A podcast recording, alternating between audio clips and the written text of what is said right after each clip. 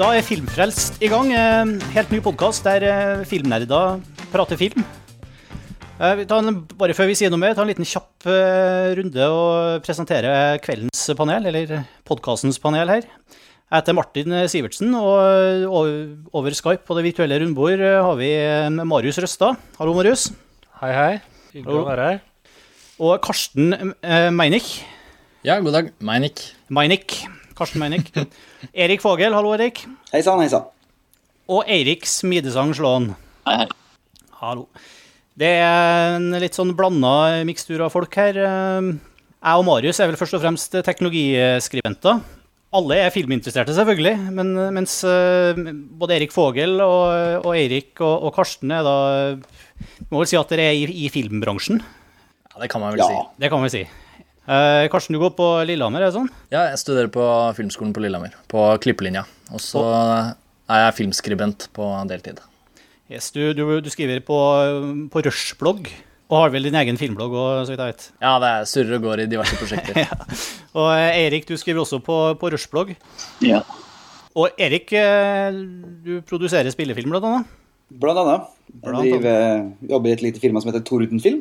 Nettopp. Jeg er også Lillehammer-utdanna for lenge siden.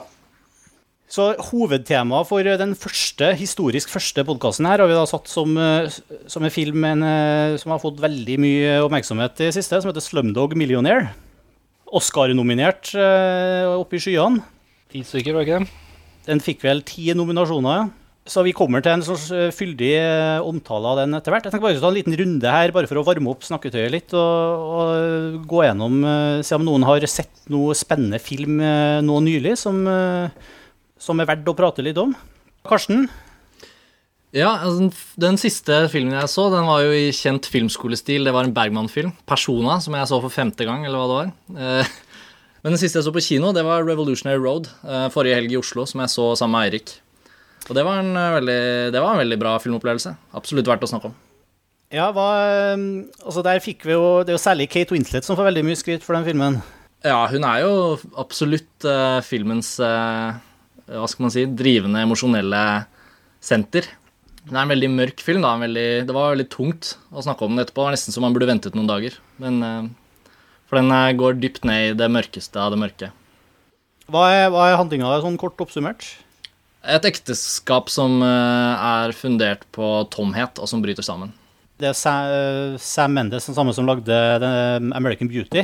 Ja, det er, det er vel, samme regissørene. Det er litt sånn forstadshelvete-tematikk som går igjen, er det ikke? Det er litt samme kanskje tematikk, men de føles som veldig forskjellige filmer. da. Veldig, mm. det, er veldig, det, er kanskje ikke den samme typen bruk av humor og ironi i denne her.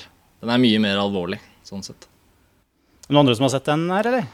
Ja, jeg, jeg, jeg, var jo sånn sammen med Karsten. Eh, jeg er veldig enig med Karsten i det han sier. Men eh, jeg syns kanskje den var veldig konvensjonell og ganske kjedelig fram til siste, siste, akten, hvor det tok helt av og ble ja, veldig, veldig bra mot slutten. Men før det så var det egentlig litt sånn Jeg hadde sett det mange ganger før, og det var veldig skole, skoleflinkt og veldig pent. Ganske tungt. Men altså Kate Winslet hun, hun er bare helt uh, ubeskrivelig. Altså, hun går fullstendig opp i karakteren. og ja, det er den beste rollen jeg har sett i hele år. Eller hele 2008, for å si det sånn. Likevel så var det ikke den filmen som Kate Winslet ble, ble Oscar-nominert for, var det? Nei. The Reader var vel eh, den filmen, mm. Yep. Nok en film som jeg heller ikke har sett for året. Den har vel ikke kommet der, med unntak av i det ulovlige samfunnet. Det, det, er vel litt av hovedproblemet sånn som, jeg, som gjør at Oscar ikke alltid er like sånn, eh, spennende. Det er liksom, jeg, for meg blir det en veldig sånn politisk uh, greie hvor, uh, hvor, det er veldig viktig for entusiasme rundt filmer og ting man kan sette på, på coveret og på filmplakaten og DVD-utgivelsene og sånn, men som regel så har man ikke hatt sjansen til å se mesteparten av de filmene som blir Oscar-nominert, uh, fordi så mange av dem slippes rett før nominasjonene annonseres. Og det er jo ikke tilfeldig. Har du noe insight? Hva tenker produsenten om det? Nei, men det, det, handler jo om at uh, klisjeen er jo at du har et akademi som uh, består av senile, gamle, pensjonerte skuespillere og andre Hollywood-folk som, som uh, trenger å få Altså som ikke husker hva som var på våren før. Så at alt det som studiene håper på å få inn, inn til Oscar-kvelden, lanseres på senhøsten og, og vinteren i, opptakta til Oscar. Men, men det handler også, da, da får man også sånn dobbel effekt ut av at man kan kombinere eh, på en måte Oscar-løpet med den vanlige markedsføringa. Sånn at liksom det vanlige pressearbeidet og sånne ting er på en måte har to adresser. Da. Det ene er noe til publikum, men det andre er til å liksom minne senile Hollywood-folk på at eh, filmen er også aktuell for Oscar. Det er noe, det er noe sånn 70% av filmene er jo lansert de siste tre månedene. på en måte. Ja. Det er også ganske viktig å poengtere at Grunnen til at det lanseres så sent, er at det er mange av de ganske mm, la, altså lavbudsjetterte filmer som ikke hadde nådd et stort publikum uten Oscar-oppmerksomheten. ikke sant? Så De er ganske avhengig av å få la oss si seks-sju nominasjoner, vil jo påvirke veldig besøkstallet, i USA spesielt. da. Så det handler jo også om å tjene inn penger. Og kunne melke Oscar-verdien for det det er verdt. Altså, spesielt da på sånne filmer som Revolutionary Road og Doubt, for eksempel, som er ganske lavbudsjettfilmer, men som trenger Oscar for å hele tatt gå i pluss. da. Jeg så forresten, en, eh, jeg så forresten den norske den siste revejakta. Det begynner jo, det er ikke akkurat noen ny film, men eh, den kom på DVD for ikke så lenge siden. Jeg ble, jeg ble rett og slett ikke veldig revet med av den. altså. Syns den rett og slett den var litt, litt treg og litt, litt slapp. Ja. Er det flere som slenger seg på den, eller er det noen som Slenger meg lett på den. Ja. Jeg kan hoppe inn og si at jeg har også vært, uh, hatt, på sånn, hatt sånn norsk filmraid nå en uke her. Så jeg så både den filmen Sammen. Mm. Den er helt, helt ny. ja. Helt ny. Premiere i helga nå, som vi spiller inn det her.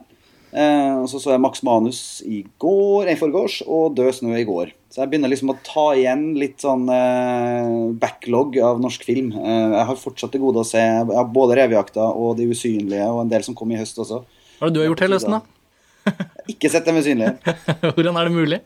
Ja, det kan man si. Nei, jeg prøver å, prøver å ta igjen nå, men det går litt i bølger, det der. eh, Med å komme seg på kino og sånne ting. Men nå som Ringen kino har kommet, som er rett borti strøket fra der jeg bor, så er det fantastisk eh, praktisk å gå på kino plutselig. Da har vi naboer, Erik. Yes. Jeg bor i nabohuset.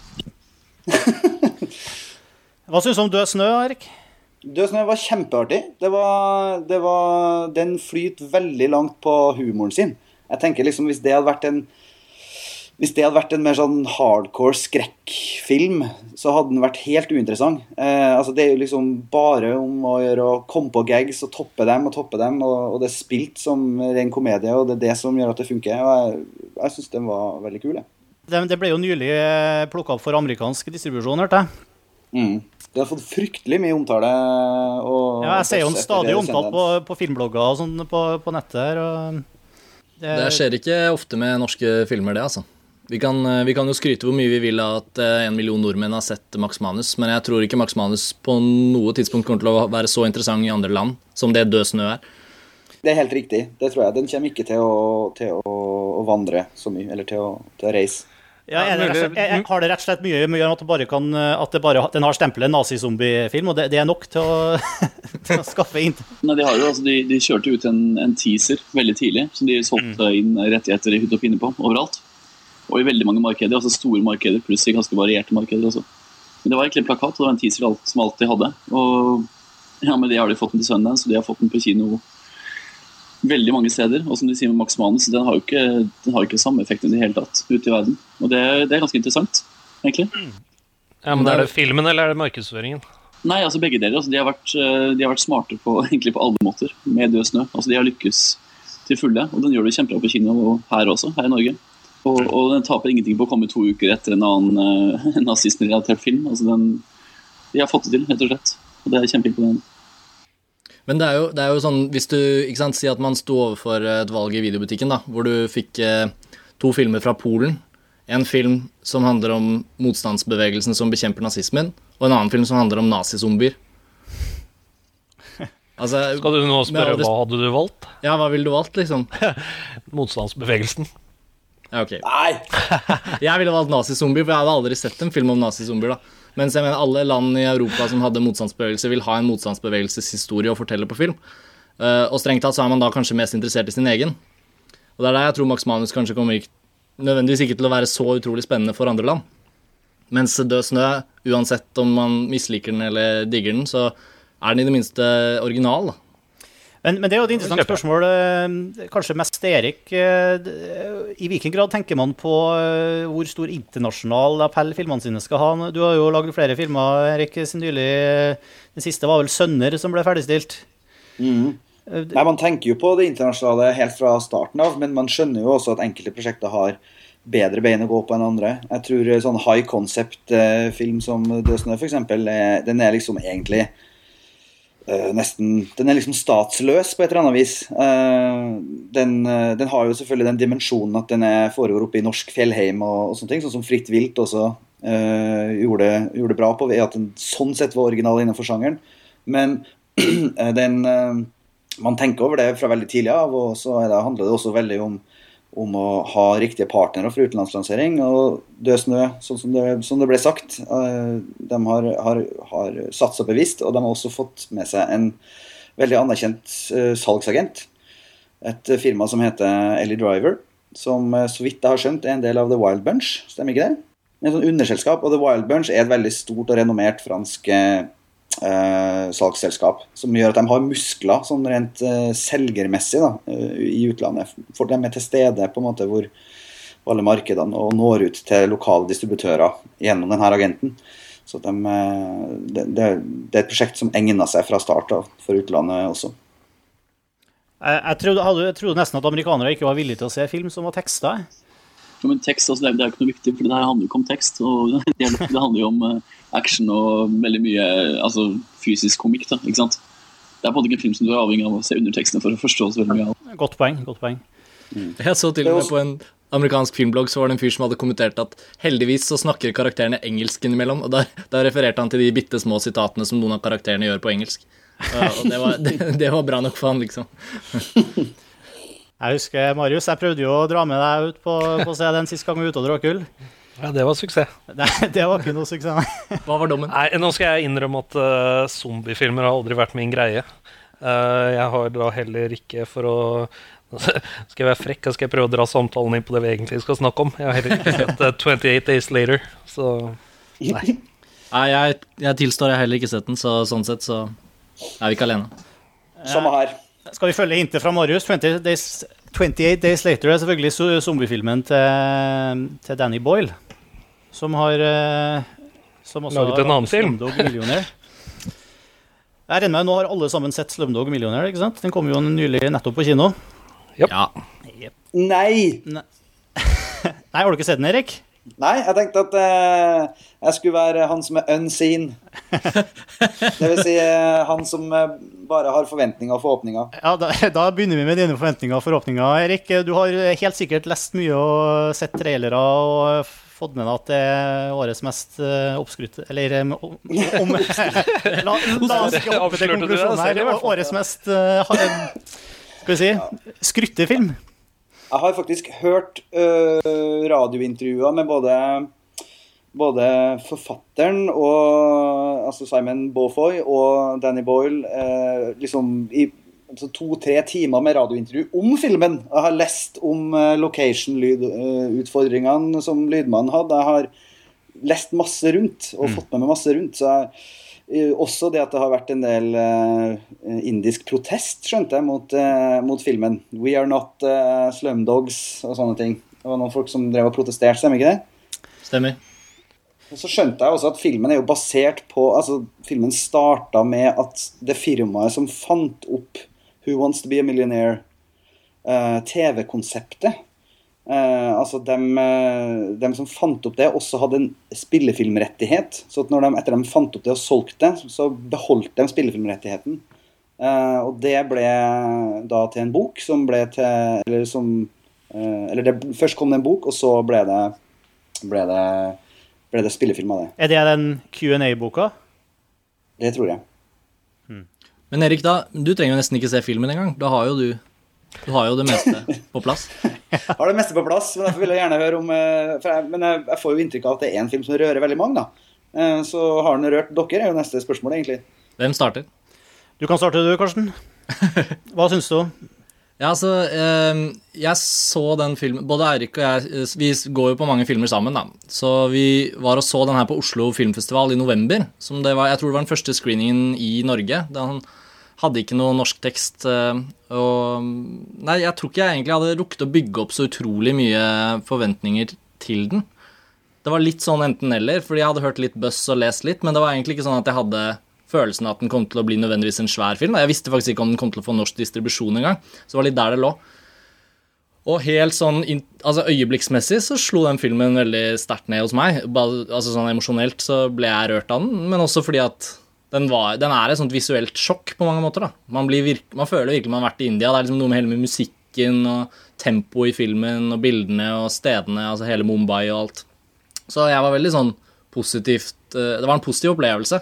Så har jeg på en måte vært med å analysere den ganske kraftig over et par øl og sånn etter hvert. Så den har jo på en måte det er mer en øyeblikksfilm kanskje enn en sånn varighetsfilm, da, tror jeg. Mm.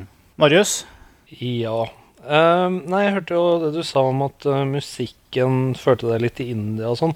Uh, jeg vet ikke helt om jeg er med på det. Nå så jeg den for to dager siden, og det inntrykket jeg sitter igjen med musikken, var typisk eh, Danny Boyle, egentlig. Jeg fikk ikke noe indisk inspirert i det hele tatt, bortsett fra dette flotte Bollywood-nummeret når rulleteksten kom. Spoiler! Spoiler, da. Det, det, ja, ja. det går ut fra at de som er så interessert i dette filmtemaet, de har sett den før de gjør dette likevel.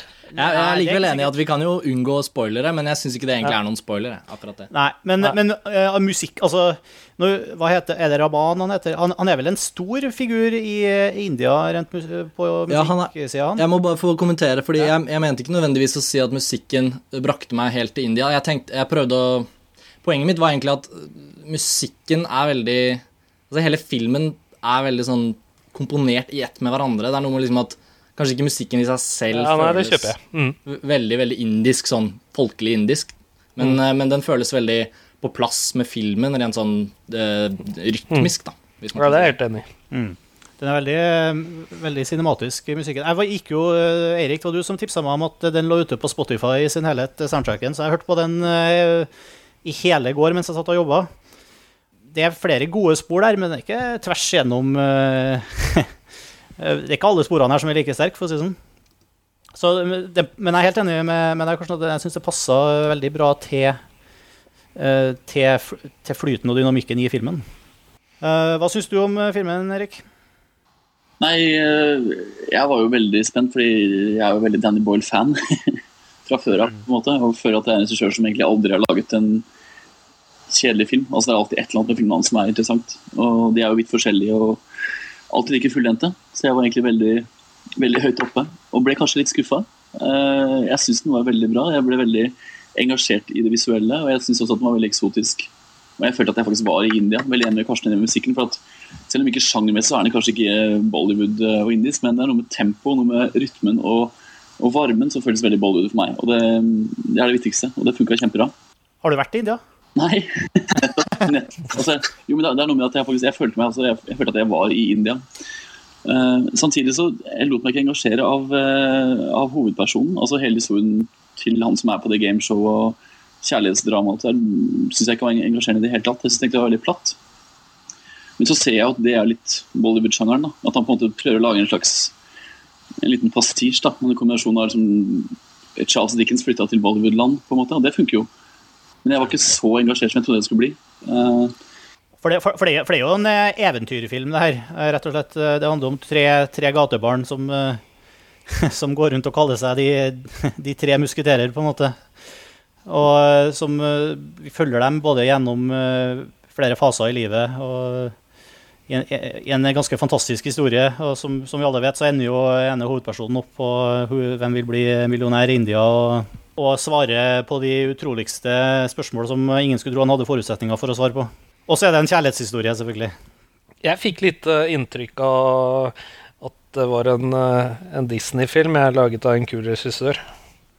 Ja. jeg jeg syns historien, historien var utrolig det, det, Jeg bare fikk følelsen at uh, amerikansk publikum som satt i salen og klappa, og det var helt uh, merkelig innimellom. Jeg syns det var en kul film, også, men uh, jeg vet ikke. Jeg syns jeg hadde venta mye mer.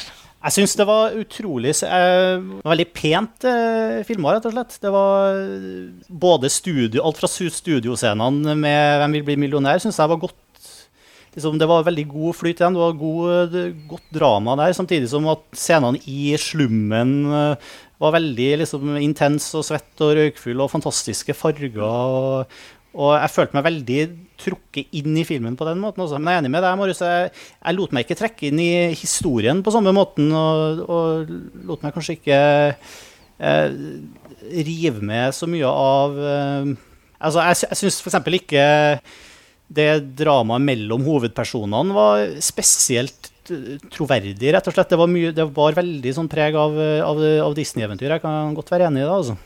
Men er ikke, er ikke det Disney-eventyr? Er ikke det egentlig bare Bollywood-sjangeren dere snakker om da? For er jo, de er jo ofte veldig redusert i plott, og de er jo veldig subtilert, ikke sant? Det er aldri særlig mye subtiliteter i de filmene. De er ofte ganske overfladiske og veldig direkte, ikke sant?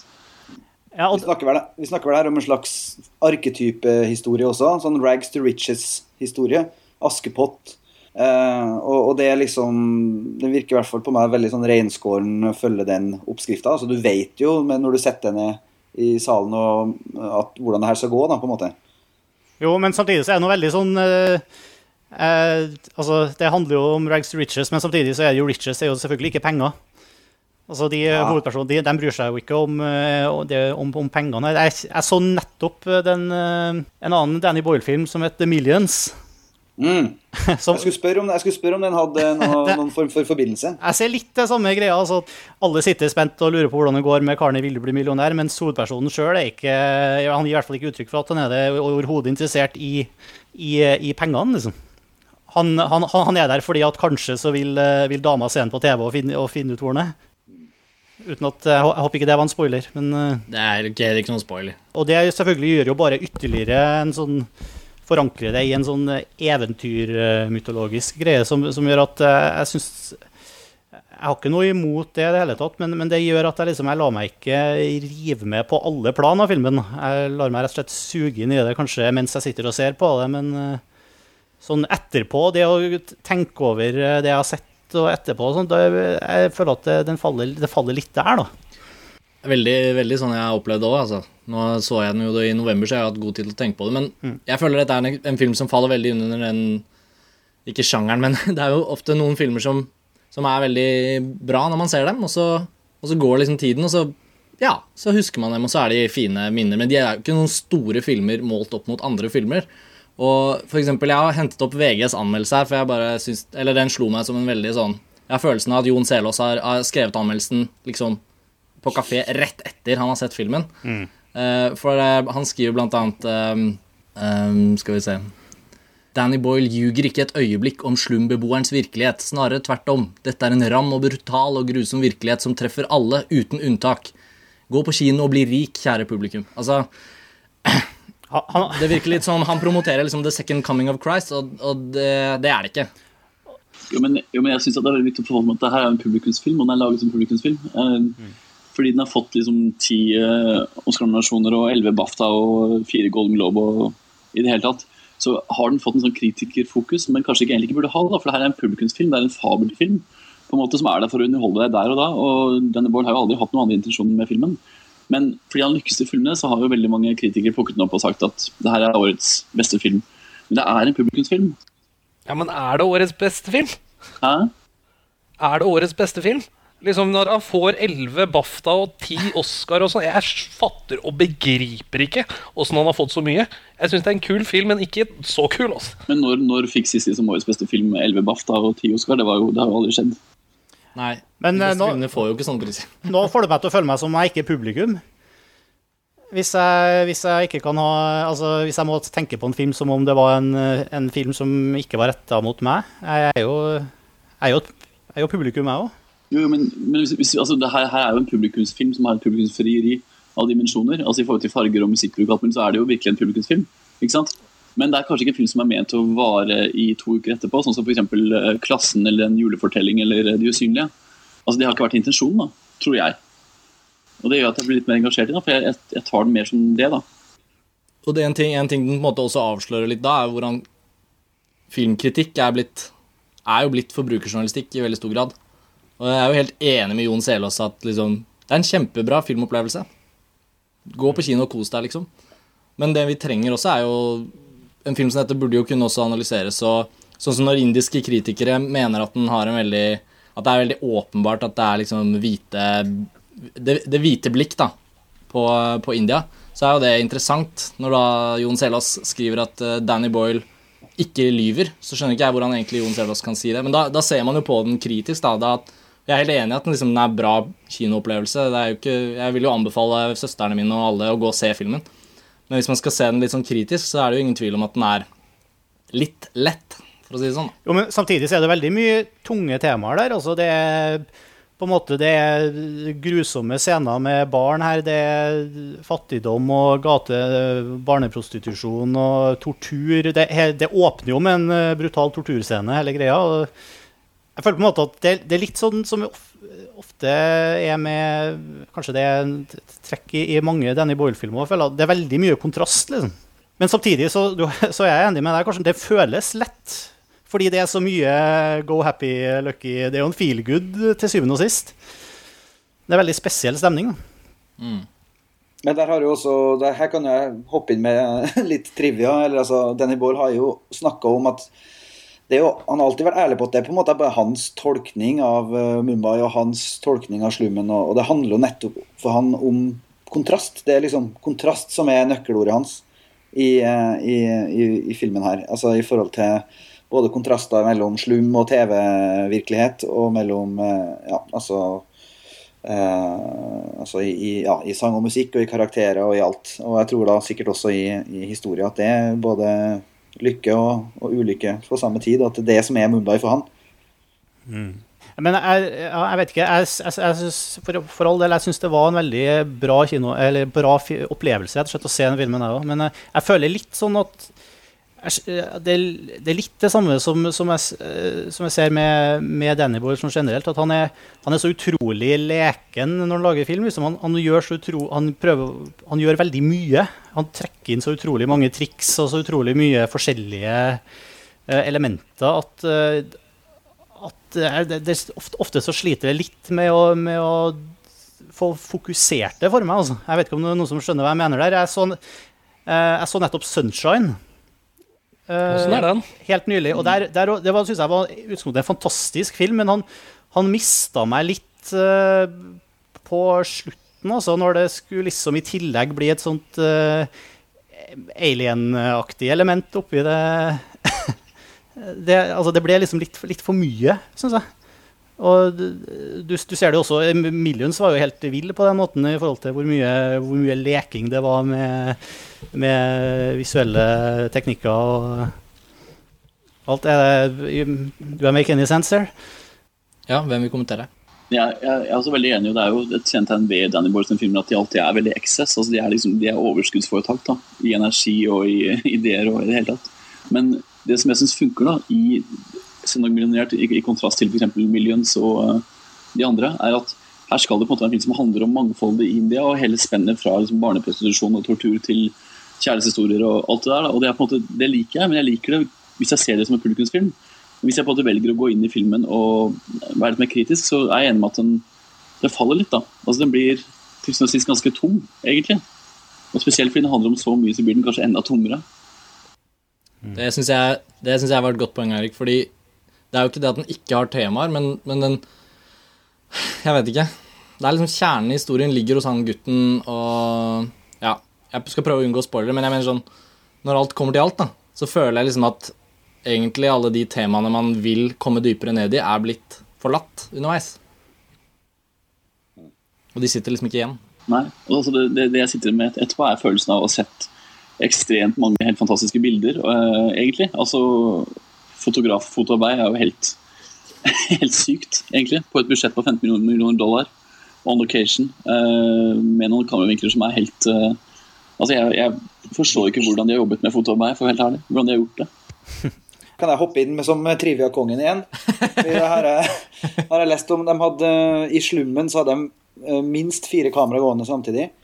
To, To av dem var sånn spesielt utvikla eh, 2K-kamera. Eh, altså, altså, et digitalt eh, format. Som var laga for at du skulle bare fotografen sprang rundt med en linse, egentlig. Og så var det en datakabel inntil en laptop. Så den bare slurpa med seg data. Og De hadde to av den sorten, og så hadde de i tillegg noen lettere HD-kamera som de eh, ofte faktisk sendte rundt. Eh, bare lot folk liksom eh, ja, springe opp der og ta et bilde. og altså, de, Det var sånn helt sånn eh, kaos eh, altså slags styrt kaos, da. Eh, og hvor også, også de Altså i TV-opptakene så var det noe sånt som da, altså Der bygde de en replika av en helt nøyaktig kopi da, av Who Wants To Be A Millionaire-settet. Og så dekket de det sånn som det ville ha blitt dekket på TV, og i tillegg med de her fire kameraene.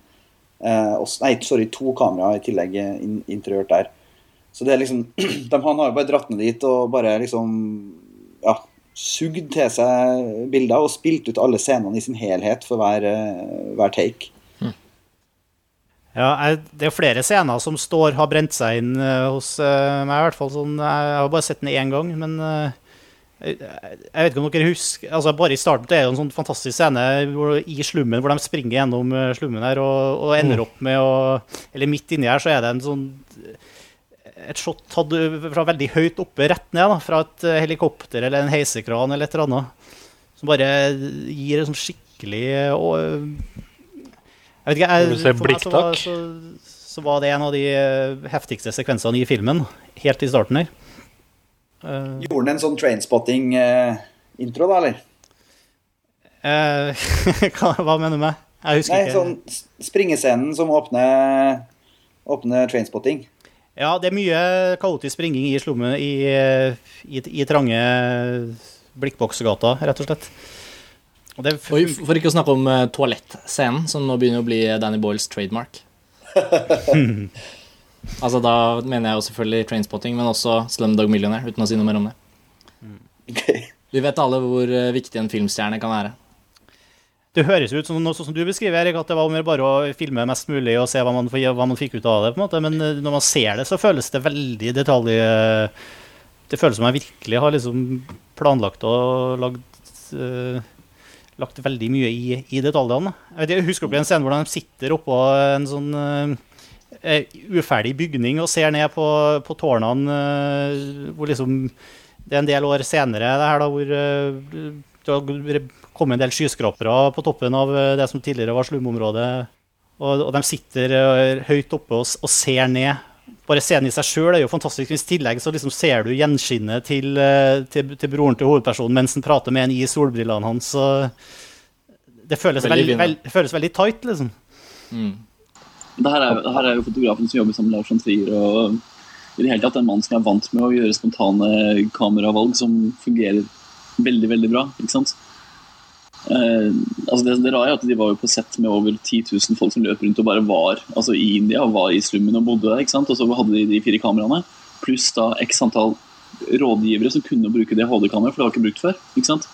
Som kunne hjelpe hvis det skjedde noe feil osv. Um, eh, og alt det. Pluss at de hadde ganske lavt budsjett. De hadde ikke, hadde, hadde ikke penger til å leie inn det mest heftige utstyret ellers. Så er det jo utrolig imponerende, det man sitter og ser på. Og det, Bare det er liksom en anbefaling til publikum. fordi eh, der, For meg så er det en eksotisk reise til India som ikke jeg har sett lignende til noen noen gang. altså. I forhold til foto. Lydmessig også så hadde de et crew på fall jeg ja, leste intervju med, med, han som hadde opptakslyd, en inder. Han uh, hadde med seg ti mann i tillegg til seg sjøl for å få dekket inn lyden. For det var helt umulig med Det var jo bom i bildet overalt eh, pga. at det var så mye kamera. Så de måtte ha liksom, ekstreme mengder spesialutstyr for å ta opp der. Um, ja. Hva, hva syns vi om, om, skuespillerne her, da? Er det bare meg, eller er han eh, Jamal, hovedpersonen, veldig han, han står veldig mye og gaper og stiller to, med, med vide øyne og, og, er relativt uttrykksløs. Men eh, det funker vel på en eller annen måte likevel? Det var noe som har noe, noe å si om det? Jeg synes kanskje at altså Det som er litt kjipt, er jo at den, altså Hovedpersonen er kanskje den mest passive karakteren i hele, hele filmen. for så vidt. Det er litt farlig. Han viser jo litt brodd når han sitter i stolen og på selve gameshowet i Hvem vil bli, eller vil bli millionær? Der som på en måte nesten det eneste stedet hvor, hvor den I hvert fall han som spiller den voksne eller den voksne gutten, virkelig får vise seg. liksom. Ja, så det er noe med at han, altså han han har jo to mål. Det er å få en dame, og så er det å, overliste han gameshow-duden. ikke sant? Og det, det, er på en måte eneste målsettingen til karakteren. Og det spilles Det er veldig subtilt spilt. da. Det er på en måte ikke så veldig mye engasjement å spore hos han egentlig i uttrykket. Til forskjell fra han som spiller broren som voksen, som har, har mye større karakterutvikling. og i det hele tatt da. Og det, Jeg syns filmen lider litt under av at du ikke har en hovedperson som du virkelig kan forstå da, og, og følge. Han blir veldig passiv, rett og slett.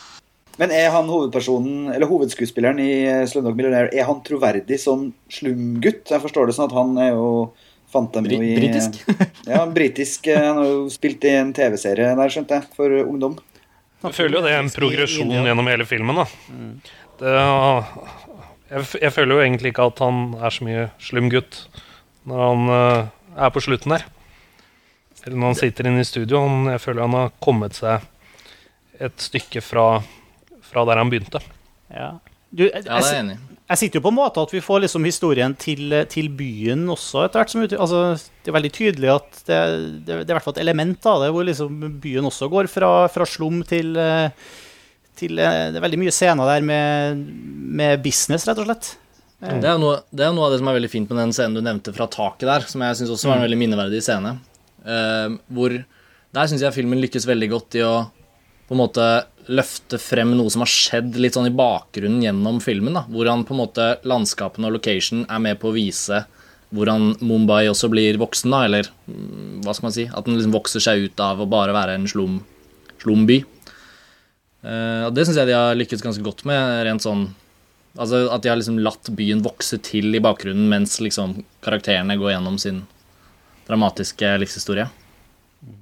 Absolutt eh, nesten like interessant å følge, å, å følge kulissene her som det å følge hovedpersonene, på en måte. Ja, absolutt. Altså kulissen er jo hovedpersonen, egentlig. Jeg jeg er litt uh, i forhold til uh, Who Wants To Be A Millionaire. Uh, er det noen som vet om dette programmet er sendt til India, sendes til India, og om han programlederen har hatt noen rolle der? Jeg syns han var utrolig festlig. Hvis det Han, han er vel en Bollywood-stjerne? Ja, han er, er Bollywood-stjerne. Ok. Mm. Jeg bare Jeg så på han Jeg bare tenker i 90% av andre land i verden så ville da aldri han kunnet blitt valgt som en programleder av Vil du bli millionær. Men han var Han var jo bare ekstremt slesk og ekkel. herlig fyr, da. En av de, kanskje Ja, ja. en av de morsomste figurene. Han var jo suveren sånn sett, men bare som programleder på et kjempepopulært program, så bare så, så jeg ikke helt han som valget. Det var derfor jeg var litt interessert i åssen Indias eh, versjon av Who Wants To Be Millionaire er.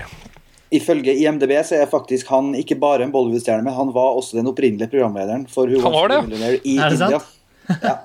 Knallbra. Det er veldig morsomt. Hva er det han heter? Anil Kapoor? Uh, skal vi se uh, Er det ikke han som er Nei, beklager. Jeg tar Jo. helt feil. Anil Kapoor, er det ikke? Jo.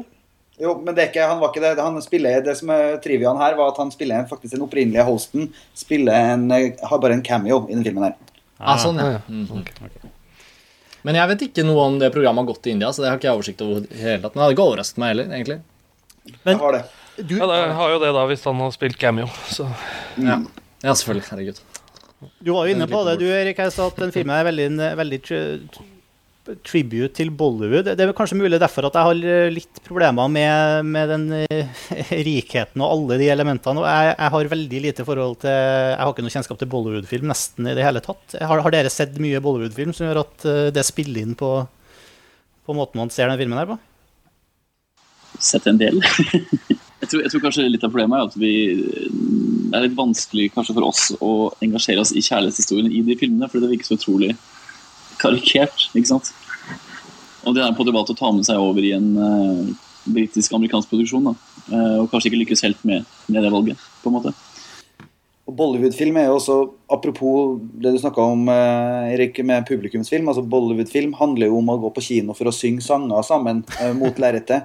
Altså, det, det handler om at alle, alle som går og ser dem, har hørt sangene på radio og, og, og tar med seg middagen og familien og går på kino og synger sanger sammen. Eh, og det, Jeg har ikke noe spesielt forhold til Bollywood-film, egentlig, men jeg har skjønt at det, det, er- det er i hvert fall publikumsfilm. Jeg sto og sang og dansa på slutten, jeg, altså. Mm. Det var så gøy. Har du, har, du, har du audio av det, eller har du, kan vi lime inn det her? Eller? Ja, jeg har eh, lydopptak av dansinga. Ja. Nei, men vi er vel eh, Ja. Er, er det Danny Boyles eh, beste film? Nei, så langt Nei. derifra. Det syns ikke jeg. Nei. Hva er Danny Boyles beste film, da? 28 Days Later, da? Da må jeg i hvert fall se den. Jo, men altså i sjanger og i uh, å få til massive ting på ikke-budsjett, f.eks. Jeg er ganske sikker på at den, den filmen var grunnen til at jeg ikke likte I Am Legend med Will Smith. Men altså, det, det sier jo ganske mye om Danny Boyle, fordi det som er særtrekket ved han er jo, eller syns jeg da, fått personlig, er at han på minimale budsjetter så greier han å lage filmer som virker som massive, store Hollywood-produksjoner. da. Sånn som denne her, ikke sant? Det virker jo kjempestorslått og episk, men det er jo en lavbudsjettfilm, egentlig, kosta 15 millioner dollar. Uh, og han er ekspert på å bare altså, bruke pengene virkelig bra. da. Han er sikkert en veldig god produsent som er med og hjelper på, men han, han har en slags teft for bilder som skaper følelse av storhet og rom, og samtidig intimitet. Så det får han til i 28 dager senere. er det jo er det, er, er det jo ikke budsjett. Det koster vel et eller annet sånn 6 millioner dollar. tror jeg, eller sånn, og det, Den ser jo dyr ut. altså Det er fantastiske shot av, av London, for eksempel, ikke sant? Det er jo særlig de London-scenene som, som, som føles dyr ut der. Ja. Er det da en ironi at The Beach, når den faktisk hadde et kjempebudsjett, også blir mislykka? Jeg tror kanskje han er, han er en av de regissørene som aldri bør få stort budsjett. da. Det er mange av de, på en måte. Som gjør seg best med litt strengt budsjett, rett og slett, fordi de blir mer kreative. Han bruker jo ikke noe penger på skuespillere. da. Nei, på godt og vondt, kanskje. Eh, han, er- han er, jeg syns han er flink til å plukke Han er, han jo veldig ja, det var ikke det jeg mente, men uh, sånn som The Beach, da, som hadde et kjempebudsjett, der hadde du jo faktisk kjente skuespillere. Det er jo veldig få av de andre filmene som har navn.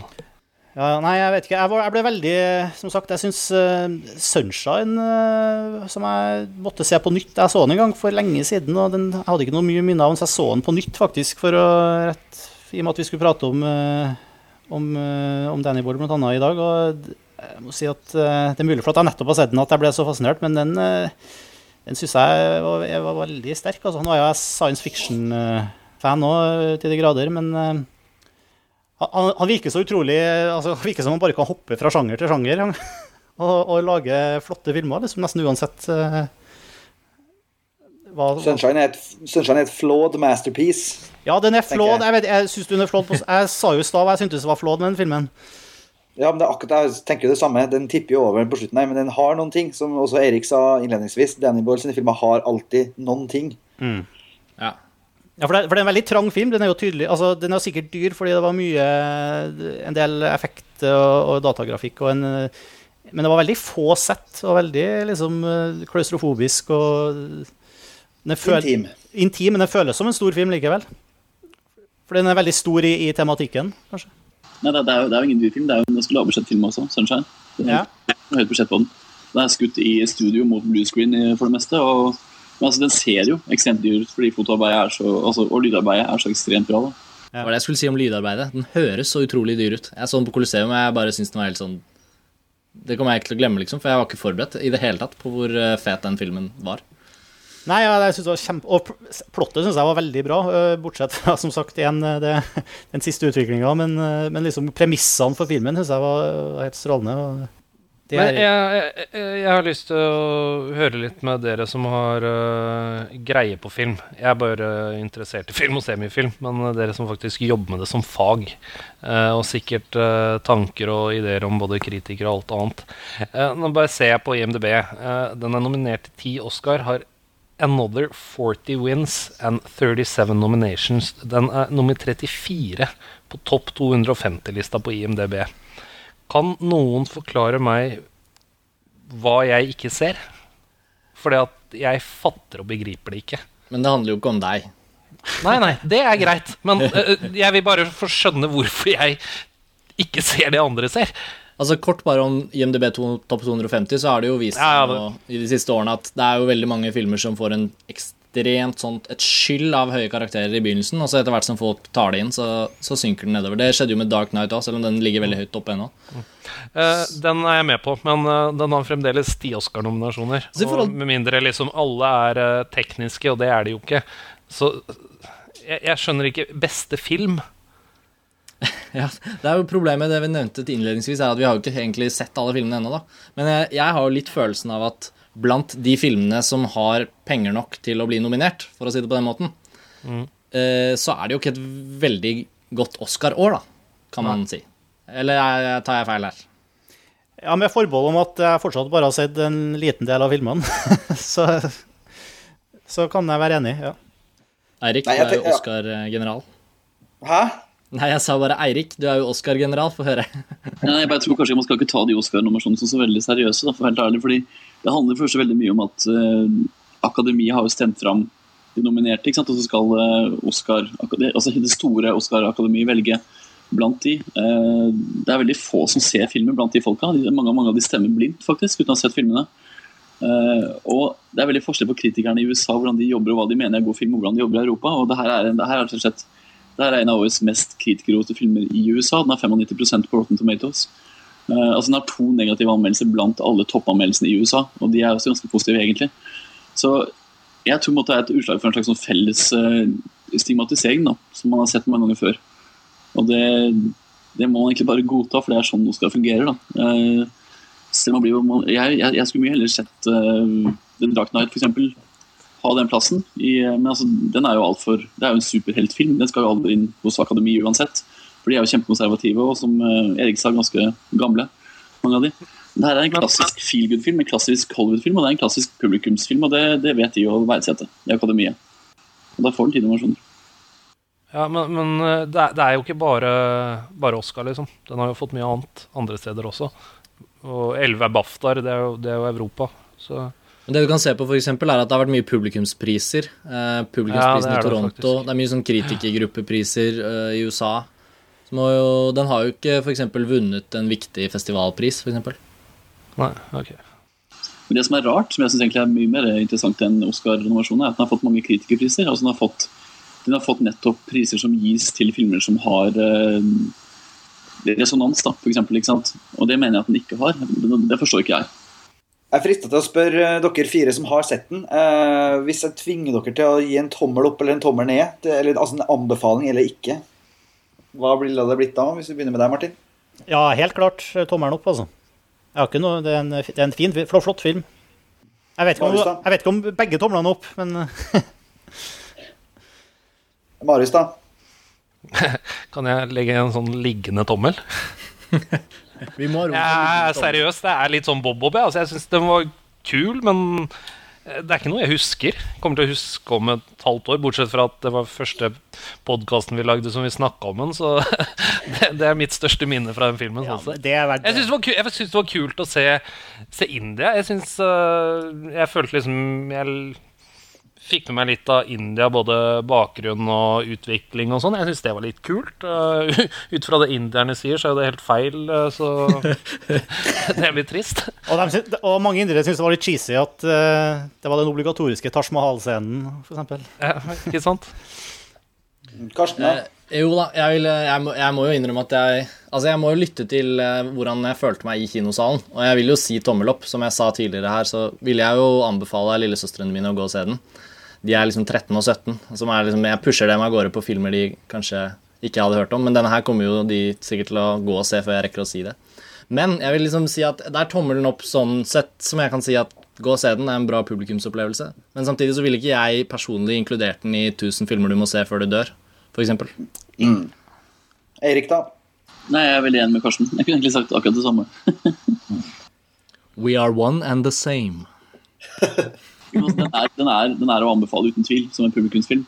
Men sånn som det er nå, på kino nå i dag, hvor det går så eksepsjonelt mye bra film Jeg mener Det går sju andre filmer som jeg mener er mesterverk på kino akkurat nå, som man heller burde gå og se. Så det er en tommel opp, men se gjerne de sju andre først.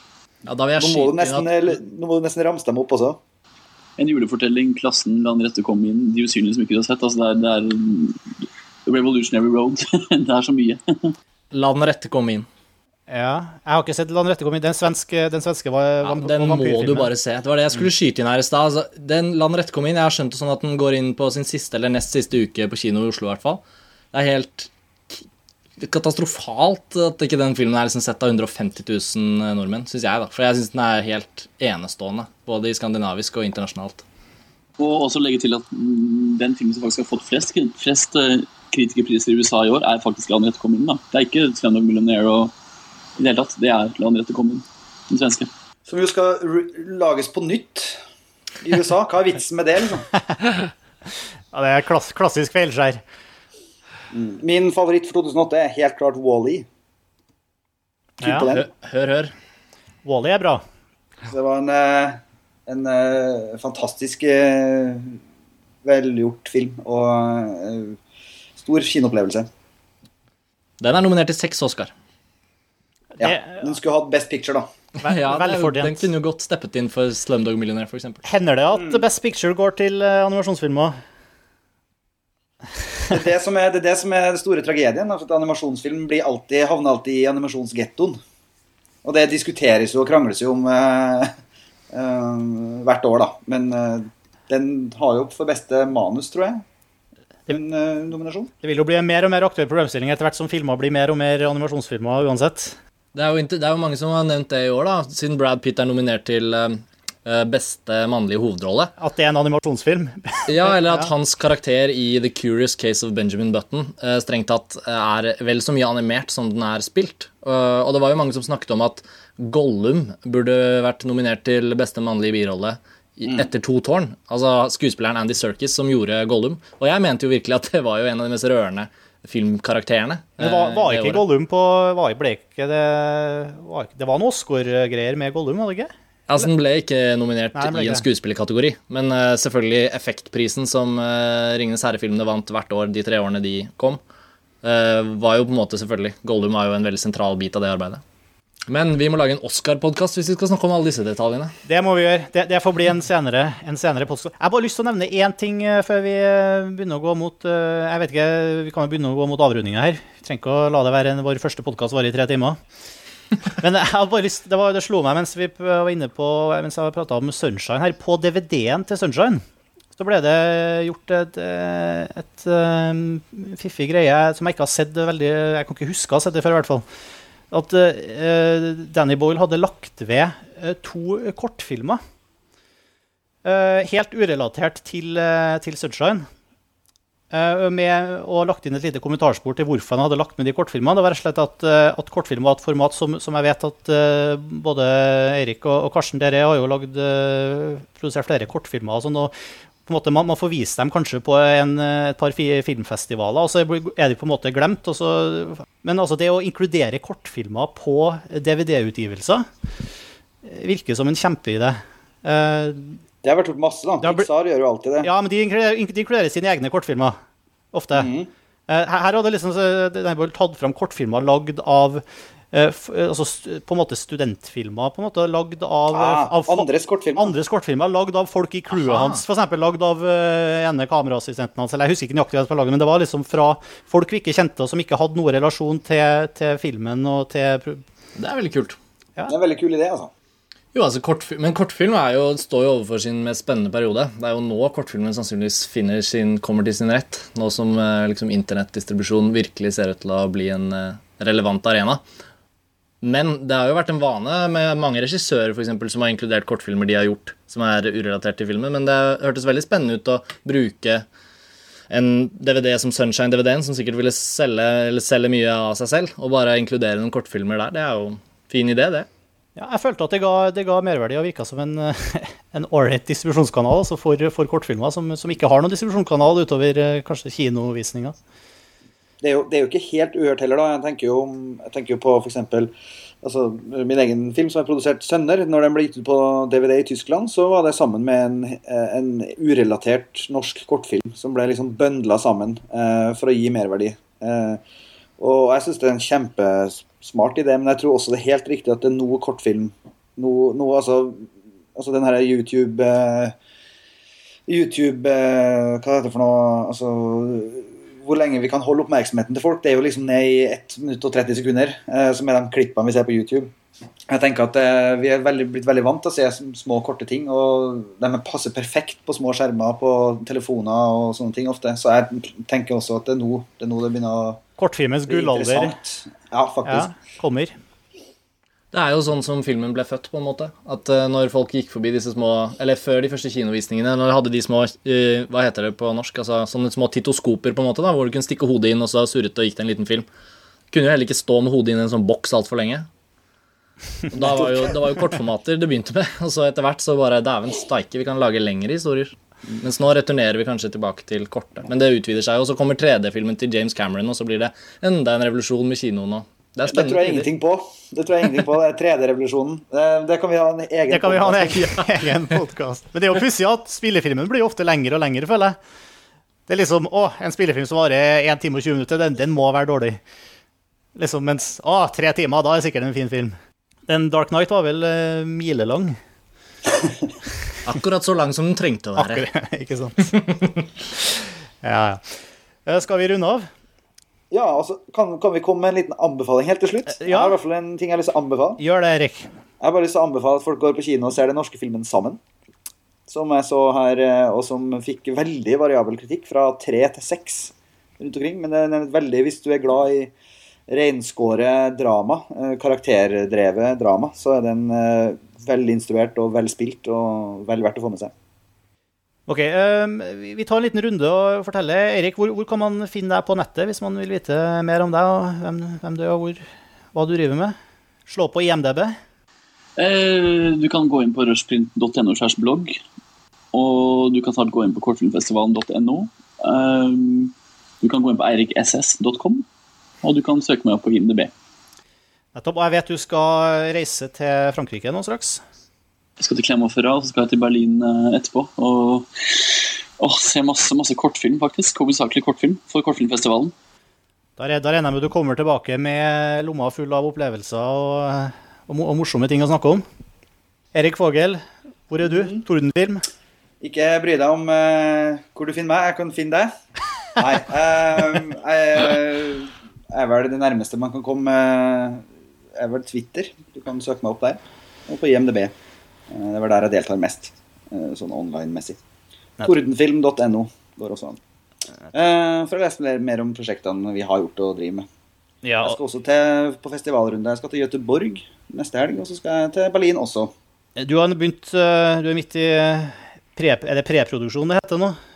Vi, vel, vi er vel i det litt diffuse landskapet mellom utvikling og forarbeid eh, av en ny spillefilm. Eh, Pluss at vi driver og er i produksjon med en eh, ny dramaserie som skal gå på NRK neste år.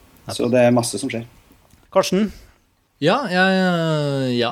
finner meg på Lillehammer, den lille kaffebaren i Storgata. Bare å komme innom. Eh, men på nettet, ja. Det, jeg er jo aktiv på Twitter, og mm, også på rushprint.no slash blogg, og også på Kortfilmfestivalen etter hvert. Så mm, jeg tror ikke det skal bli så vanskelig å finne meg hvis man leter. Det er et sånt, øh, en søkemotor som heter Google, som du bare er å teste ut, altså. Nettopp. Jeg har hørt den er bra. Jeg har, Jeg har hørt hørt, hørt mye bra om den, òg. Jeg er på eh, Alta Vista. jeg. Lik oss. Ly- Lykos. Marius Røsta. Yes. Where you be. selvsagt også på Twitter. Uh, Twitter.com slash portart. P-o-r-t-r-t. Jeg lurte på uh, hvorfor portart? uh, lang historie, Martin. Er det hemmelig? Men, uh, får vi- får Fortell det på 140 tegn. Nei, den får vi, får vi ta over en øl seinere. Ok. Um, ellers så finner du meg til daglig på teknofil.no. Ellers så også et lite bloggprosjekt sammen med Martin eh, på filter.no. F-i-l-t-r.no. Jeg blogger også på, på filter.no når, når det er tid til det. Ellers så, så finner du meg ja, på, på Klikk TV, eller på, på filter eh, si, Nei, på, på Twitter. Twitter.com slash eh, snortsen er brukernavnet mitt. Jeg, kan jeg foreslå en ting? Ja. Eh, Jeg har noen ganger hørt gjennom eh, den hele og fulle podkasten på en amerikansk blogg som heter The House Next Door. Og der har de, så, der har de veldig sånn de, de er ganske sikre på at det ikke fins noen personer som hører gjennom hele podkasten. Så på slutten av podkasten så pleier de å liksom gi telefonnummeret til den ene og si at hvis det er noen som har kommet helt hit, så send en tekstmelding til meg. Altså Jeg foreslår ikke at vi skal gjøre det samme, men jeg vil gjerne berømme de lytterne der ute som faktisk har hørt gjennom hele podkasten frem til dette punktet. Eh, Det er bra. Da har vi kommet til vei. Ja, Vi har jo lagt oss på en ganske lang, eh, langt format her allerede. og Tanken er vel rett og slett at eh, Jeg føler i hvert fall at det er veldig fint å ha et forum å prate om, om film for min egen del på. Det er ikke ofte at jeg har en time å sitte og prate om, om filmer. Jeg sitter og hører hva andre synes og sånn. Så, så bare det. Men også at det sannsynligvis også er interessant for andre å, å få nye eh, andre synspunkter på, for å fordøye filmer man har sett selv, da, eller eventuelt forberede seg på filmer man skal se. Men at eh, det langformatet er det er, veldig, det er andre filmpodkaster, amerikanske filmpodkaster som, som, som, legger seg også på, på et veldig langt format, da, og det funker tydeligvis helt greit. Det er i hvert fall veldig greit for, å høre på, syns jeg. Mm.